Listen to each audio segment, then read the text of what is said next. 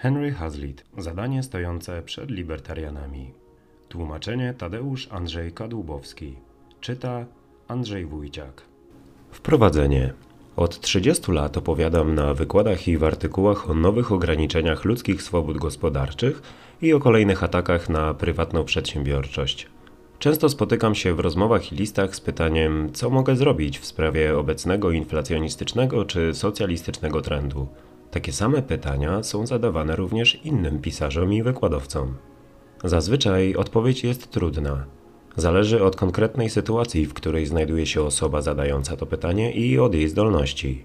Może to być biznesmen, gospodyni domowa lub student. Może mieć wiedzę szeroką lub wąską. Może być to ktoś mniej lub bardziej inteligentny. Niekoniecznie musi mieć dar wysławiania się. Przy odpowiedzi należy wziąć pod uwagę wszystkie te okoliczności. Łatwiej jest udzielić odpowiedzi ogólnej niż szczegółowej. Poniżej chcę opisać, jakie zadanie stoi przed wszystkimi libertarianami. Zadanie to jest ogromne i zdaje się rosnąć z każdym dniem. Niektóre państwa, które wprowadziły rządy całkowicie komunistyczne, takie jak Związek Sowiecki i jego państwa satelickie, w wyniku przykrych doświadczeń próbują wycofać się z pełnej centralizacji i eksperymentują z pojedynczymi elementami ustroju quasi-kapitalistycznego. Jednak dominującą tendencją w przeszło 100 krajach na 111 obecnych państw i państwek członkowskich Międzynarodowego Funduszu Monetarnego jest niestety rozbudowa socjalizmu i planowania. Zadanie stojące przed maleńką mniejszością, która próbuje przeciwstawić się tej tendencji, wydaje się beznadziejne. Walka musi toczyć się na tysiącu frontów, a na prawie wszystkich przeciwnicy prawdziwych libertarian mają wielką przewagę liczebną. Zwolennicy opieki społecznej, socjalizmu, etatyzmu i interwencjonizmu codziennie na tysiąc sposobów zabiegają o nowe ograniczenia indywidualnej wolności. Libertarianie muszą się temu przeciwstawiać. Tylko nieliczni z nas mają czas, energię i wiedzę specjalistyczną z określonych dziedzin, by móc podjąć takie wyzwanie.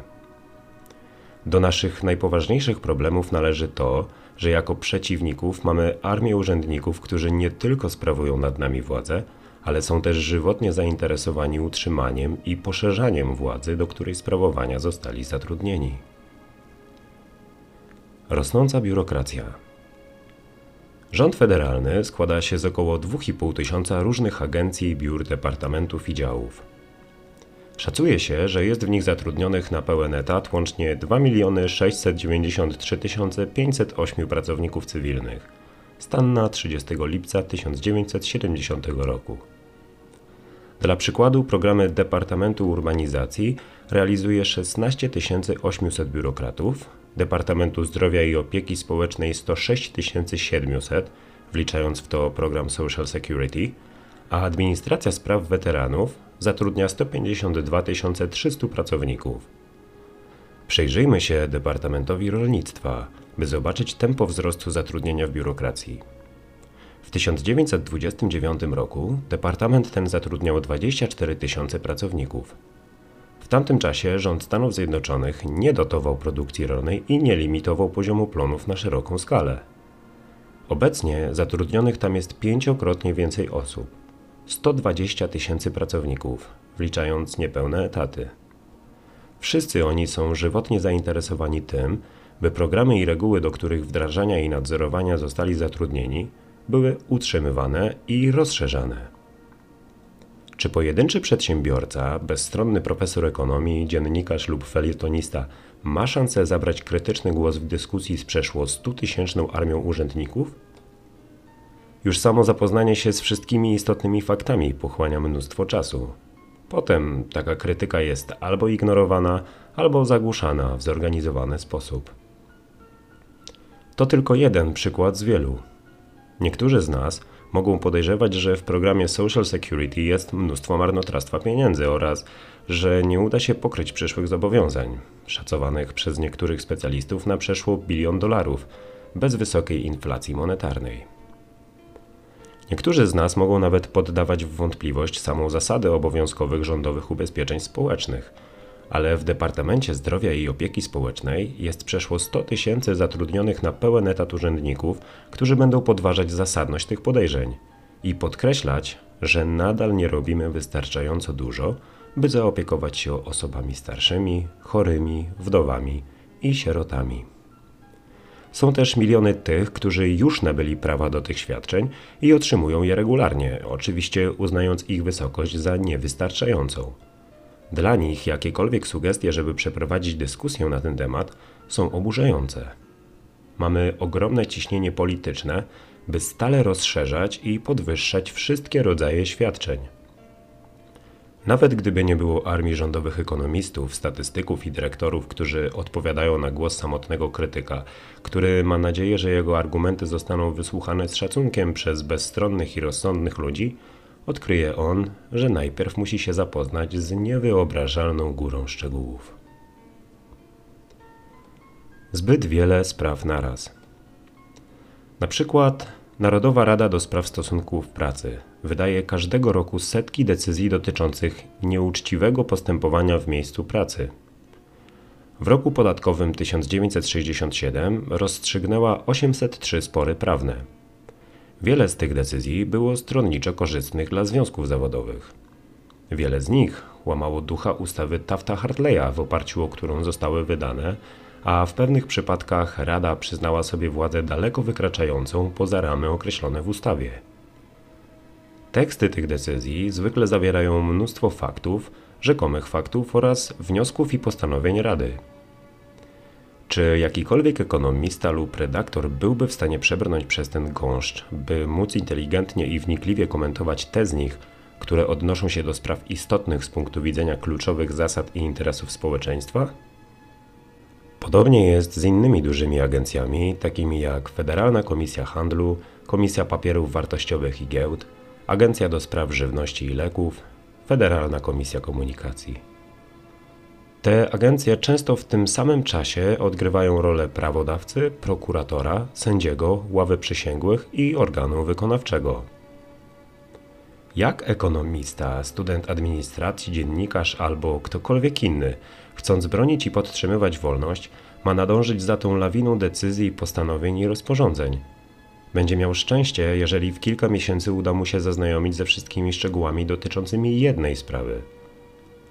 Profesor Sylwester Petro z Uniwersytetu Nowojorskiego napisał całą książkę o strajku w Koller oraz drugą o strajku w Kingsport – Obie zawierają wiele cennych wniosków dla społeczeństwa.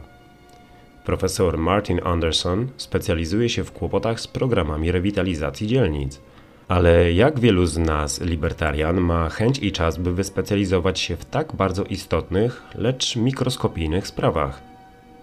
W lipcu 1967 roku Federalna Komisja Komunikacji wydała niezwykle szkodliwą decyzję, w której zmusiła firmę American Telephone and Telegraph Company do obniżenia stawek za rozmowy międzystanowe. Pomimo tego, że i tak były niższe o 20% od cen z 1940 roku, odkąd ogólny poziom cen wzrósł o 163%. Dziennikarz, który chciałby napisać o tej sprawie artykuł, będzie zmuszony przeczytać m.in. tę decyzję, by mieć pewność co do wszystkich faktów. Decyzja ta liczy 114 stron gęsto zapisanego maszynopisu. Propozycje reform. My, libertarianie, mamy przed sobą wielką pracę. Chcę podkreślić, że przeciwnikami libertarian są nie tylko wszelkiej maści biurokraci, lecz również fanatycy. Każdego dnia pojawiają się pojedynczo lub grupami reformatorzy, którzy proponują nowe zadania dla rządu, jakiś nowy sposób pomocy ludziom w potrzebie lub wyrównania jakichś rzekomych krzywd. Swoje propozycje popierają skomplikowanymi statystykami, które jakoby udowadniają te potrzeby i krzywdy podatnikom. Właśnie ci uznani eksperci od pomocy, zasiłków dla bezrobotnych, ubezpieczeń społecznych, opieki medycznej, mieszkań komunalnych, pomocy zagranicznej itd. zawsze będą chcieli więcej pomocy, zasiłków dla bezrobotnych, ubezpieczeń społecznych, opieki medycznej, mieszkań komunalnych, pomocy zagranicznej i całej reszty. Musimy wyciągnąć z tego wszystkiego wnioski. Specjaliści obrony jako libertarianie nie możemy zaledwie zadowalać się powtarzaniem pobożnych ogólników na temat swobód, wolności gospodarczej i ograniczonego rządu. Utwierdzanie i powtarzanie tych ogólnych zasad jest oczywiście niezbędne w prologu lub w podsumowaniu. Jeżeli chcemy mieć nadzieję na osiąganie efektów indywidualnie i zbiorowo, każdy z nas musi posiąść szczegółową wiedzę i zostać specjalistą z jednej lub dwóch dziedzin, by móc pokazać poszczególne zastosowania naszych zasad. Tylko wtedy będziemy w stanie przekonywająco wchodzić w dyskusję ze zwolennikami państwowych programów mieszkaniowych, dotacji dla rolnictwa, ulg, poszerzania zakresu opieki społecznej i medycznej, gwarantowanych przychodów, wzrostu wydatków publicznych, wzrostu podatków, e, zwłaszcza wzrostu progresywnej skali podatków dochodowych, wzrostu ceł, wprowadzania kontyngentów importowych, ograniczeń w podróżach i inwestycjach zagranicznych, urzędowego ustalania cen, płac, czynszów, stóp procentowych, tzw. Tak praw ochrony konsumentów i wszelkich innych możliwych ograniczeń wolności gospodarczej. Oznacza to m.in., że libertarianie muszą nie tylko utworzyć i utrzymywać organizacje zajmujące się promocją ogólnych zasad, takie jak Fundacja na Rzecz Edukacji Ekonomicznej z Irvington-on-Hudson w stanie Nowy Jork, Amerykański Instytut Badań Ekonomicznych z Great Barrington w stanie Massachusetts, czy Amerykańska Fundacja Ekonomiczna w Nowym Jorku. Ale też takie, które będą zajmowały się promowaniem tych zasad w poszczególnych dziedzinach. Mam na myśli na przykład takie wspaniałe organizacje specjalistyczne jak Obywatelski Komitet Pomocy Zagranicznej, Narodowy Komitet Ekonomistów do Spraw Polityki Monetarnej, Fundacja Podatkowa i inne. Nie należy obawiać się, że powstanie zbyt dużo takich wyspecjalizowanych organizacji. Wręcz przeciwnie. Przypuszczalnie na każdą prywatną organizację libertariańską przypada w Stanach Zjednoczonych 10 organizacji komunistycznych, socjalistycznych, etatystycznych lub na inne sposoby lewicowych. Pokazały one, że potrafią być bardzo skuteczne. Niestety muszę przyznać, że spośród starych stowarzyszeń przedsiębiorców, o których mi wiadomo, tylko nieliczne są naprawdę efektywne. Nie chodzi tylko o to, że są strachliwe i że milczą, gdy powinny zabrać głos, albo że idą na nierozsądne kompromisy. Ostatnio, obawiając się oskarżeń o ultrakonserwatywną postawę reakcyjną, zaczęły same popierać rozwiązania godzące w interesy, do ochrony których zostały powołane. Na przykład ostatnio niektóre z nich poparły podwyżkę podatku dochodowego od osób prawnych wprowadzoną przez prezydenta Johnsona w 1968 roku, dlatego że nie miały odwagi, by powiedzieć, że rząd powinien raczej obciąć bardzo wysokie wydatki na opiekę społeczną. To smutne, że większość szefów dużych przedsiębiorstw w Ameryce jest niepewna i zastraszona.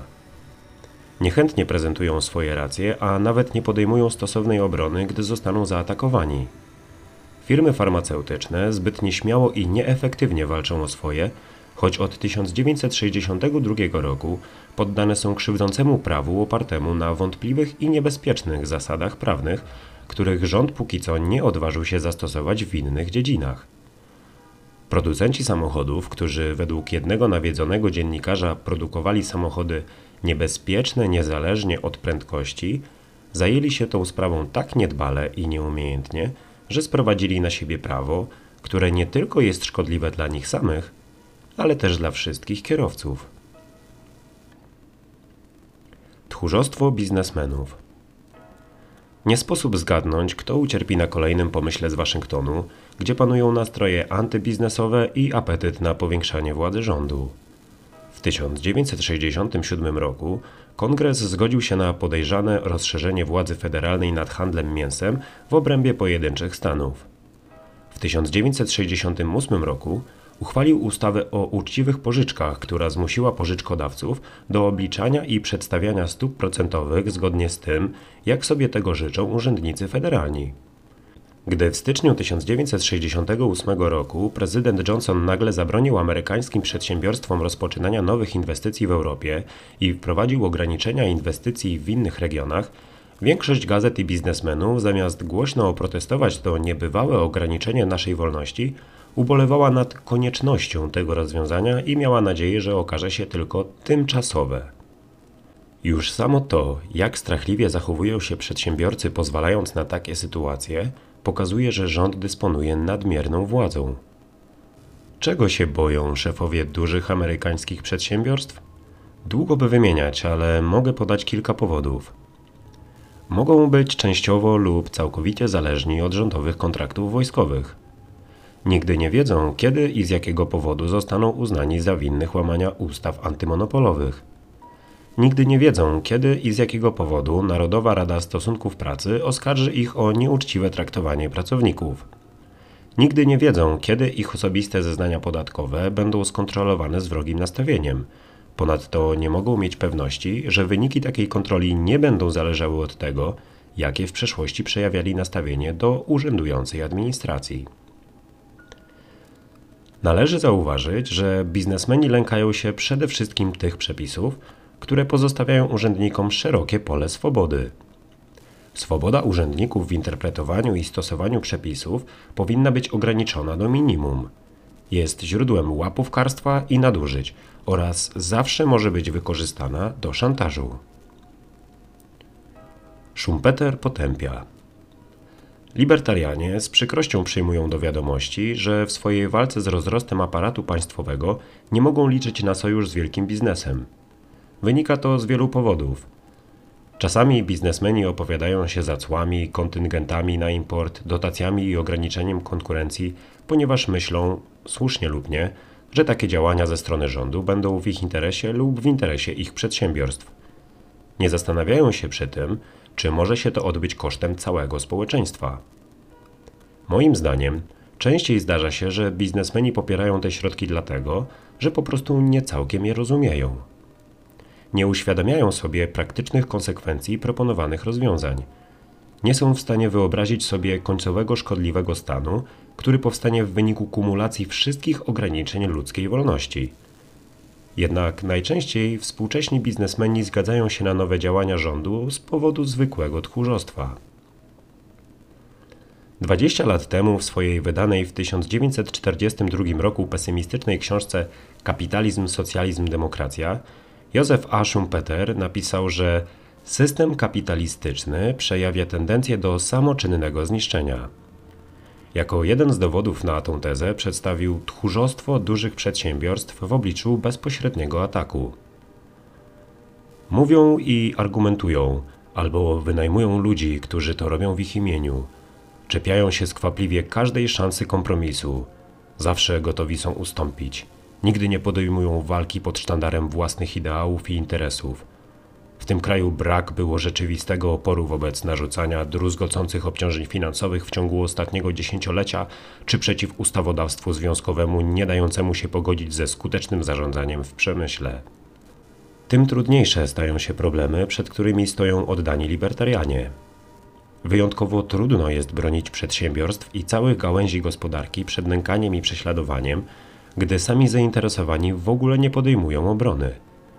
Z drugiej strony podział pracy jest możliwy i będzie równie pożyteczny w obronie wolności, jak w innych dziedzinach. Wiele osób nie ma czasu ani wiedzy specjalistycznej, by zgłębić konkretne, skomplikowane problemy dotyczące jakiegoś segmentu gospodarki.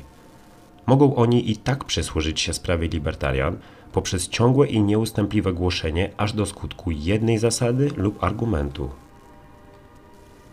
Kilka podstawowych zasad. Czy jest jakaś pojedyncza zasada lub sprawa, na której libertarianie powinni się przede wszystkim skupić? Poszukajmy. Może uda nam się znaleźć nawet kilka takich spraw. Można w nieskończoność powtarzać, że rząd nic nie rozdaje, czego wcześniej nie zabrał komuś innemu. Ta prosta prawda ma zastosowanie w 9 na 10 przypadkach etatystycznych pomysłów, które są obecnie dyskutowane i wdrażane. Wszystkie te zasiłki i dotacje w skrócie sprowadzają się do rabowania Kowalskiego, by dać Wiśniewskiemu. Można pokazać, że współczesne państwo opiekuńcze to zaledwie skomplikowany układ, w którym nikt nie płaci za edukację swoich dzieci, ale wszyscy płacą za edukację cudzych dzieci. Nikt nie płaci za swoją opiekę medyczną, ale każdy płaci za opiekę medyczną wszystkich innych. Nikt nie musi oszczędzać pieniędzy na swoją starość, ale każdy musi płacić na starość wszystkich innych. Bastiat przeszło 100 lat temu zilustrował naturę wszelkich takich form pomocy następującym aforyzmem. Państwo to wielka fikcja, dzięki której każdy usiłuje żyć kosztem innych. Innym sposobem na pokazywanie wad państwowego rozdawnictwa jest przypominanie, że nie można zjeść ciastka i mieć ciastka. Jako, że koszty wszystkich rządowych programów muszą być pokryte z podatków, libertarianie mogą przy każdej nowej propozycji takiego programu zadawać pytanie: zamiast czego? Jeżeli proponuje się, żeby wydać miliardy dolarów na wysyłanie kolejnych ludzi na Księżyc lub na projekt naddźwiękowego odrzutowca pasażerskiego, można przypomnieć, że gdyby nie zabrać tego miliarda dolarów w podatkach, pieniądze te zaspokoiłyby miliony różnych osobistych potrzeb milionów podatników. Niektórzy zwolennicy ciągłego zwiększania władzy państwowej, jak na przykład J.K. Galbraith, oczywiście rozumieją ten argument i wymyślają teorie, według których podatnicy pozostawieni sami sobie wydają zarobione pieniądze całkowicie bezmyślnie. Zrozumieć konsekwencje. Kolejną ważną zasadą, o której libertarianie mogą ciągle przypominać, jest to, że zwolennicy działań rządu powinni rozważyć pośrednie i długoterminowe konsekwencje swoich propozycji, a nie tylko te bezpośrednio zamierzone i natychmiastowe. Czasami zwolennicy działań rządowych twierdzą wprost, że sami nie mają nic do rozdania i że najpierw muszą odebrać komuś innemu. Przyznają, że chcą obrabować Kowalskiego, by dać Wiśniewskiemu. Dodają tylko do tego argumentu, że zabierają bogatemu Kowalskiemu, by wesprzeć ubogiego Wiśniewskiego. Prezydent Johnson powiedział to całkiem otwarcie w przemówieniu z 15 stycznia 1964 roku. Spróbujemy zabrać wszystkie pieniądze, które według nas są wydawane niepotrzebnie. Odbierzemy je ludziom zamożnym i rozdamy ubogim, którzy ich bardzo potrzebują. Każdy, kto ma nawyk myślenia o długofalowych konsekwencjach, zorientuje się, że programy redystrybucji bogactwa i zapewniające minimum socjalne osłabiają bodźce na obu końcach skali. Odbierają motywację ludziom, którzy są w stanie zarabiać dużo więcej pieniędzy, ale wiedzą, że i tak byłyby im odebrane.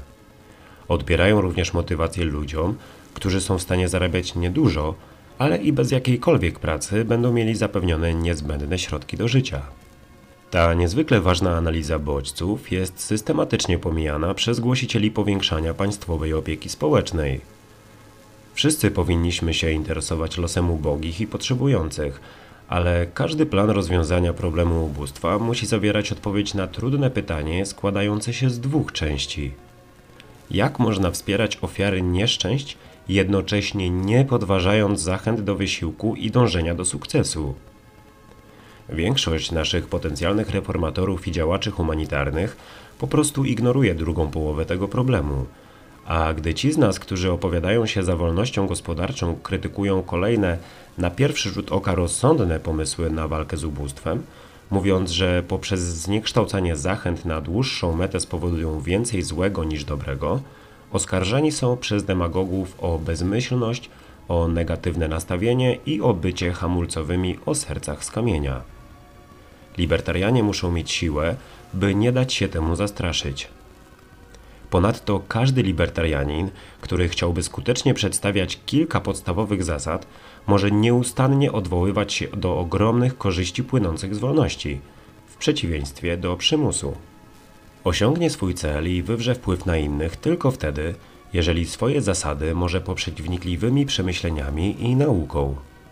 Adam Smith napisał kiedyś – Prosty lud angielski, tak zazdrosny o swą wolność, lecz nie rozumiejący nigdy dobrze, podobnie jak i prosty lud innych krajów, na czym ona polega. Nie jest łatwo opracować prawidłową definicję wolności. Aspekty prawne i polityczne. Powyżej pisałem, jak gdyby zakres zainteresowań badań i debat libertarian kończył się na ekonomii – Oczywiście wolności nie da się rozszerzać i utrwalać, o ile jej konieczności nie rozumie się w wielu innych dziedzinach, przede wszystkim w prawie i polityce. Musimy zapytać na przykład, czy wolność, rozwój gospodarczy i stabilność polityczna mogą przetrwać, jeżeli dajemy prawo głosu ludziom na zasiłkach, ludziom, którzy są na częściowym lub całkowitym utrzymaniu rządu i którzy żyją z pieniędzy podatników. Wielcy liberałowie z XIX i początków XX wieku, tacy jak John Stuart Mill i A.V. Dicey, mieli bardzo poważne wątpliwości w tej sprawie. Uczciwy pieniądz i koniec inflacji. W ten sposób dochodzimy do kolejnej sprawy, którą z powodzeniem mogą się zająć wszyscy libertarianie, którzy nie mają czasu ani wykształcenia, by przestudiować jakąś specjalistyczną niszę. Chodzi o domaganie się, by rząd zapewnił uczciwy pieniądz i skończył z inflacją. Ta sprawa ma tę zaletę, że można ją przedstawić w prosty i zrozumiały sposób, a to dlatego, że w gruncie rzeczy jest prosta i zrozumiała. Inflacja jest zawsze powodowana przez rząd. Inflacja jest zawsze spowodowana wzrostem podaży pieniądza i kredytu. Lekarstwem na nią jest zatrzymanie tego wzrostu. Jeżeli libertarianie przegrają sprawę inflacji, istnieje niebezpieczeństwo, że przegrają wszystkie pozostałe. Jeżeli zaś wygrają sprawę inflacji, mają szansę wygrać wszystko. Jeżeli udałoby im się powstrzymać wzrost podażowy pieniądza, to tylko dlatego, że powstrzymaliby nieustanny deficyt budżetowy, który wymusza ten wzrost. Jeżeli uda im się powstrzymać nieustanny deficyt, to tylko dlatego, że powstrzymali gwałtowny rozrost państwa dobrobytu i wszystkich socjalistycznych programów zależących od wydatków na opiekę społeczną. Poprzez powstrzymanie rosnących wydatków publicznych powstrzymaliby również wzrost władzy rządu. Dewaluacja brytyjskiego funta najpierw w 1949 roku i ponownie w 1967 roku może mieć na dłuższą metę korzystny wpływ na działania libertarian. Jednoznacznie pokazuje, że idea państwa dobrobytu zbankrutowała. Pokazuje, że obowiązujący od 1944 roku międzynarodowy system monetarny, oparty na kombinacji złota i papieru, jest niezmiernie kruchy i nie można na nim polegać. Nie licząc dolara, nie ma praktycznie żadnych walut krajów zrzeszonych w Międzynarodowym Funduszu Walutowym, które nie zostałyby zdewaluowane przynajmniej raz, odkąd fundusz zaczął działać. Wszystkie waluty, bez wyjątku, mają obecnie mniejszą siłę nabywczą niż na początku funkcjonowania funduszu. Gdy piszę te słowa, dolar, z którym w ramach obecnego systemu są powiązane prawie wszystkie pozostałe waluty, jest bardzo zagrożony. Jeżeli wolność ma przetrwać, to świat musi powrócić do pełnego standardu złota, w którym wszystkie ważniejsze waluty byłyby wymienialne od ręki na złoto, dla każdego bez jakichkolwiek dodatkowych warunków.